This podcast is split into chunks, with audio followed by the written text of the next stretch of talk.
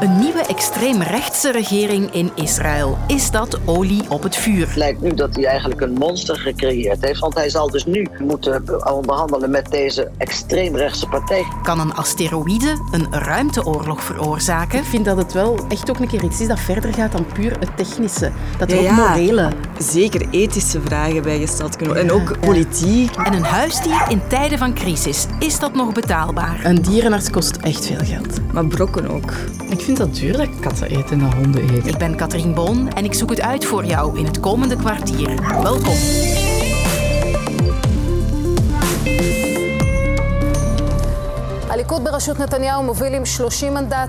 Het lijkt wel de week van de politieke comebacks op het wereldtoneel.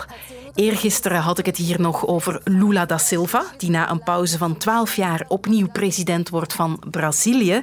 En nu staat ook Benjamin Bibi Netanyahu klaar om opnieuw premier te worden in Israël. Het waren in Israël de vijfde verkiezingen in amper vier jaar tijd. En eerlijk, ik kijk daar al bijna niet meer van op. Maar nu liet ik toch even mijn koffie staan toen ik vanmorgen onze correspondent Ankie Regges hoorde. Nog nooit daarvoor eigenlijk was er in Israël een extreemrechtse, ultra-orthodoxe regering. Het is duidelijk dat er nu een absolute verrechtsing komt en dat voorspelt niet veel goeds. Extreem rechts. Dat komt door de nieuwe radicale partij Religieuze Zionisten, die Netanyahu mee in zijn coalitie wil. Een partij met een omstreden leider die in de gevangenis heeft gezeten en met aanhangers die dood aan de Arabieren scanderen. Ik wil daar meer over weten en dus ben ik naar onze buitenlandredactie gegaan. Hallo. Mag ik even storen? Zeker. Jij bent eh, het buitenland aan het coördineren. Coördinator vandaag, ja, ja. Wie is er bezig met Israël? Bert de Vroei is bezig met Israël. Ja, wij zijn op het kwartier nog op zoek naar eh, ja. iemand die ook wat kan uitzoomen. Daar denk ik dat dan Bert de Vroei de geknipte man eh, is om daar een woordje uitleg over te geven. Bert is hier. Bert is hier, die overlegt nu met de radioredactie. Oké, ik ga eens Bert zoeken. Merci. Dag Bert. Dag Katrien. Ik ben naar jou gestuurd voor dit onderwerp. Blijkbaar ben jij onze man die daar alles over weet. Ja, ik ben er een zevental keren geweest en dit waren de vijfde verkiezingen in vier jaar, waarvan ik de drie eerste ook ter plaatse wel eh, verslagen heb. Ja. Die cocktail die daar nu zit aan te komen, de rechtse Netanyahu met zijn comeback en dan die uh, nieuwe extreemrechtse partij. Wat voor gevolgen gaat dat daar hebben op het terrein voor die toch al moeilijke relatie tussen Israël en de Palestijnen? Ja, het zal vooral moeilijk worden voor de relatie met de Palestijnen op de westelijke Jordaanover. In theorie is dat eigenlijk Palestijns gebied, hè, maar daar heb je dus honderdduizenden Joodse kolonisten. En eh, die partij vertegenwoordigt veel van die kolonisten en die gaat natuurlijk hun belangen verdedigen. En dat zou kunnen betekenen dat ze gaan aansturen op het aanhechten van die nederzettingen of bepaalde stukken daarvan bij Israël. Dus eigenlijk een uitbreiding van Israël ten koste van wat toch eigenlijk eigenlijk de Palestijnse staat zou moeten worden. Die kolonisten gaan zich gesterkt voelen, gaan eh, wellicht nog meer proberen gebied uit te breiden ten koste van Palestijnse dorpen. Dat kan niet goed gaan. En in Israël zelf zou het ook kunnen dat de rechten van de Palestijnen die in het eigenlijke Israël wonen, dat die misschien ook nog meer beknot worden, dat dat nog meer tweederangsburgers worden. Mag ik daar dan zeggen, olie op het vuur? Absoluut. Dit is olie op het vuur. Gewoon aan het instappen in de regering. Dat is olie op het vuur. Dat valt moeilijk te ontkennen ja, die nieuwe partij waar we het nu over hebben, die religieuze Zionisten. Wat weet jij daarover? Het is eigenlijk een soort lijstverbinding. Dat heb je in Israël vaak. Kleine partijtjes maken bij elke verkiezing bijna nieuwe bondgenootschappen. En dit is een samengaan van meerdere partijtjes. Eén daarvan, Joodse Kracht, is de partij van die man Itamar Ben-Gvir, die nu een beetje als het boegbeeld van die lijst wordt gezien. En dat is een partij met eigenlijk een, een, een radicaal rechts verleden, de erfgenaam van een partij die in de jaren 80 in Israël verboden is, omwille van racisme eigenlijk. En die zelfs in de Verenigde Staten en ook in eh, de Europese Unie beschouwd wordt als een terreurgroep. Dat was de Kach-partij. Je zou kunnen zeggen dat Joodse kracht daar een beetje de erfgenaam van is. Ben probeert nu wat zijn standpunten te verzachten, maar dat verleden kleeft wel aan hem.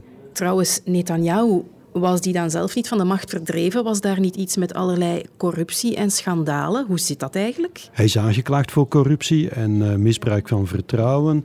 Maar dat proces loopt nog altijd. Dat loopt jaren. En zijn advocaten slagen erin om altijd maar nieuwe getuigen op te roepen, waardoor dat gerekt wordt. Zolang hij niet veroordeeld wordt, mag hij meedoen aan een campagne en mag hij zelfs premier worden. Als hij veroordeeld zou worden, dan moet hij aftreden als premier en misschien zelfs naar de gevangenis. Israël is natuurlijk geen eiland op zichzelf. Wat betekent dit nu allemaal voor de wereldpolitiek? Ja, je moet vooral naar het Midden-Oosten kijken dan natuurlijk en eh, kijken hoe de reacties zullen zijn uit Arabische landen wanneer het inderdaad blijkt dat de Palestijnen nog meer in de verdrukking zouden komen. Nu, de solidariteit in Arabische landen met de Palestijnen is absoluut niet meer zo sterk als een aantal decennia geleden, maar toch vanuit Iran bijvoorbeeld zou je wel een, een felle reactie kunnen verwachten. Dat zal de vijandigheid van Iran ten opzichte van Israël alleen maar versterken. Dus dat voorspelt misschien ook niet echt heel veel goeds.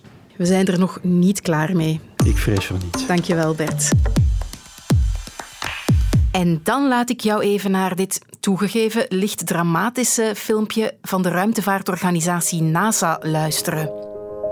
16Psyche is an asteroid that orbits the sun out between Mars and Jupiter. The reason that Psyche is unique is that it is metal rich. NASA gaat dus naar de asteroïde Psyche. Of 16 Psyche om precies te zijn. En dat is niet zomaar jouw door de weekse asteroïde. Nee, het is er één vol met ijzer, nikkel en goud. En die zwevende rotsblok die zou meer waard zijn dan de hele wereldeconomie en zou van iedereen op slag een miljardair kunnen maken.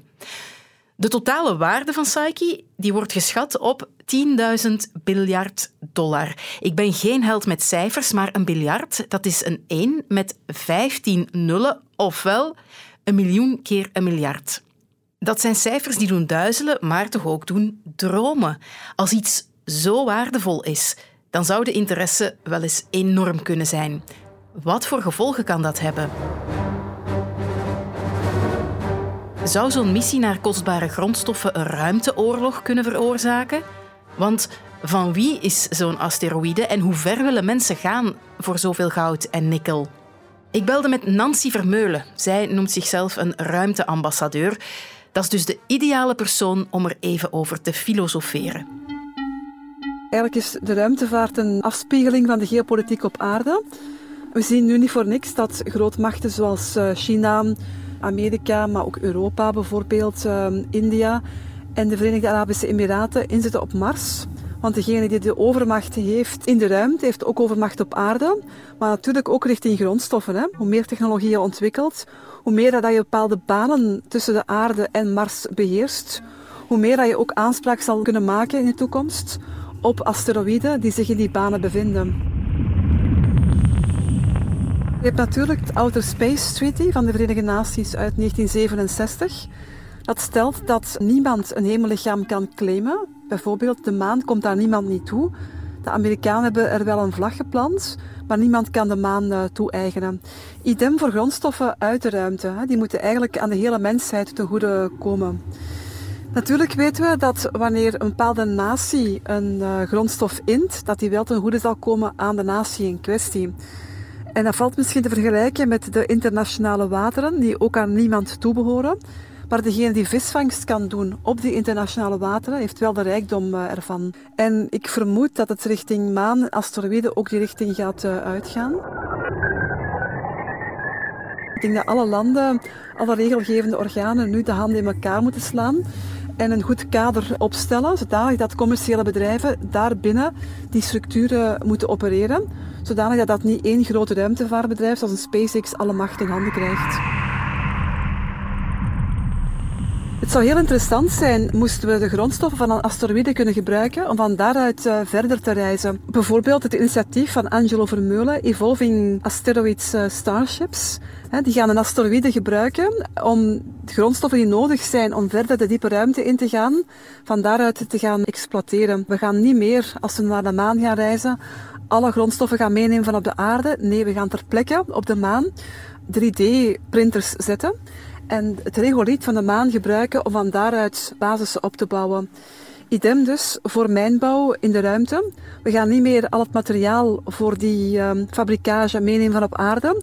We gaan ter plekke materiaal gebruiken om fabrieken in de ruimte op te bouwen. Waaronder het materiaal van een asteroïde zelf. En dan in de volgende fase zouden we kunnen denken om die asteroïden te gebruiken om daar een soort van ja, eh, stad uit te bouwen, kolonie, om dan met een stukje van de mensheid de diepere ruimte te verkennen.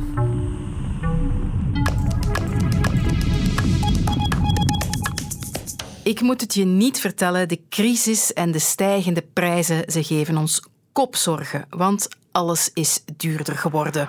Een huisdier bijvoorbeeld. Ik heb er zelf geen en ik ben er ook niet naar op zoek. Maar voor mensen die wel zo'n dier als kameraad in hun leven hebben, tikt ook die kost stevig aan in tijden van crisis. Ik ben eens wat gaan opzoeken. Een grote zak hondenbrokken, dat is al snel meer dan 50 euro. Een groot pak kattenvoer hier 15 euro en het kan blijkbaar nog veel duurder als je van die speciale voeding wil. Een zak kattenbakvulling, dat kost tussen 5 en 15 euro. Veel geld om in te plassen. En daar komen dan nog kosten bij, de check-ups bij de dierenarts, de vaccinaties. Voor sommige mensen lukt dat niet meer. En we hebben hier eens rondgebeld met VRT Nieuws. Heel wat opvangcentra en asielen zeggen ons dat er deze dagen meer dieren binnengebracht worden. De zorgboerderij Ark van Pollaren in Lennik ziet dat ook. Dat vertelt dierenverzorger Sarah Apers. Vogels, geiten, katten, ehm, ja, die soorten. En die werden ook allemaal ondervoed. We merken dat het hooi gewoon heel duur is, ehm, dat de korrels ook duur zijn. En ja, huisvesting is dan ook duur, want de weides en de grond horen daar natuurlijk bij. Kijk eens, hallo! De verzorging eh, laat zich dan te parten. Hè. De hoefsmid bijvoorbeeld, de ziektes die paarden kunnen hebben bijvoorbeeld. Dat is ook zoiets, dat kost allemaal heel veel geld. Die medicatie gaat ook omhoog. En de verzorging en dierenartsen natuurlijk ook. Ik heb eh, sinds zeven jaar asiel. En dit is Marie Roos van het opvangcentrum Aristocat in Haaltert. In dat opvangcentrum kan je katten adopteren, maar ook komen brengen. En ook dat gebeurt steeds vaker. Al durven mensen er niet altijd voor uitkomen dat ze hun dier niet meer kunnen betalen. Ze zeggen meestal van eh, scheiding eh, is een probleem. Ehm, ook de kinderen zijn dikwijls een probleem. ook volwassen mensen die eh, plots allergisch zijn, eh, ze hebben liever een andere reden op te geven dan te zeggen van ja, financieel lukt dat niet meer. En toch, toch is een huisdier net datgene waar mensen net niet gaan op besparen. Waarom eigenlijk? Daarvoor belde ik naar Marie-Louise. Ik werk al 15 eh, jaar als ervaringsdeskundige in armoede en uitsluiting. En ik heb vier poezen gehad en een hond. In de tijd, ik was alleen open schulden, open problemen. Maar dan ga jij in die zetel zitten en dan komen die poezen naar u. De ene eh, ligt in allez, aan mijn nek, de andere op mijn schoot, maar dat bracht mij rust en kalmte en even niet aan uw zorgen en problemen denken. Ik zou, alleen ja, ik heb nu geen huisbeesten niet meer, ik ben 60, dus ik begin er niet meer aan. Maar in de tijd, ik zou ze niet kunnen missen er zijn organisaties die mensen in armoede helpen bij die financiële zorgen over hun huisdier. Zoals Poezewoef VZW van Corrie van den Branden. een voedselbank voor dieren. Misschien wel een teken van de tijd. Eh, we krijgen al langer meer aanvragen. En, en omdat mensen uiteindelijk hun, hun eigen boterham laten voor hun dier. Hun dier is eigenlijk voor heel veel mensen ook bijna zoals hun kind. En ja, een dier moet je niet naar een asiel doen omdat het financieel moeilijk is. En een kind of een mens doe je ook niet naar een asiel omdat het eh, financieel moeilijk is. Dus dan zoek je oplossingen. En daarom geven wij ook om de 14 dagen eten voor die mensen. En dan kunnen zij en hun dier samen blijven. Vaak wordt hier gepraat over, over hun eigen problemen. Ze zijn alleen, ze hebben hun dier, ze kunnen tegen hun dier van alles kwijt. Uh, dier komt ook af, die voelen dat ook aan, die komen ook knuffelen. Ja, dat zijn eigenlijk hun maatjes, hun vrienden. Hè. Had ik een staart, ik zou ermee kwispelen als afscheid. Want mijn interim als host van het kwartier zit erop. Morgen is Sophie er weer met drie verse vragen. Is dat veelbesproken boek nu wel of niet leesbaar? Joris Hessels en Annelies Moons zoeken het voor je uit in de boekenpodcast Leesbaar nu in de app van VRT Max.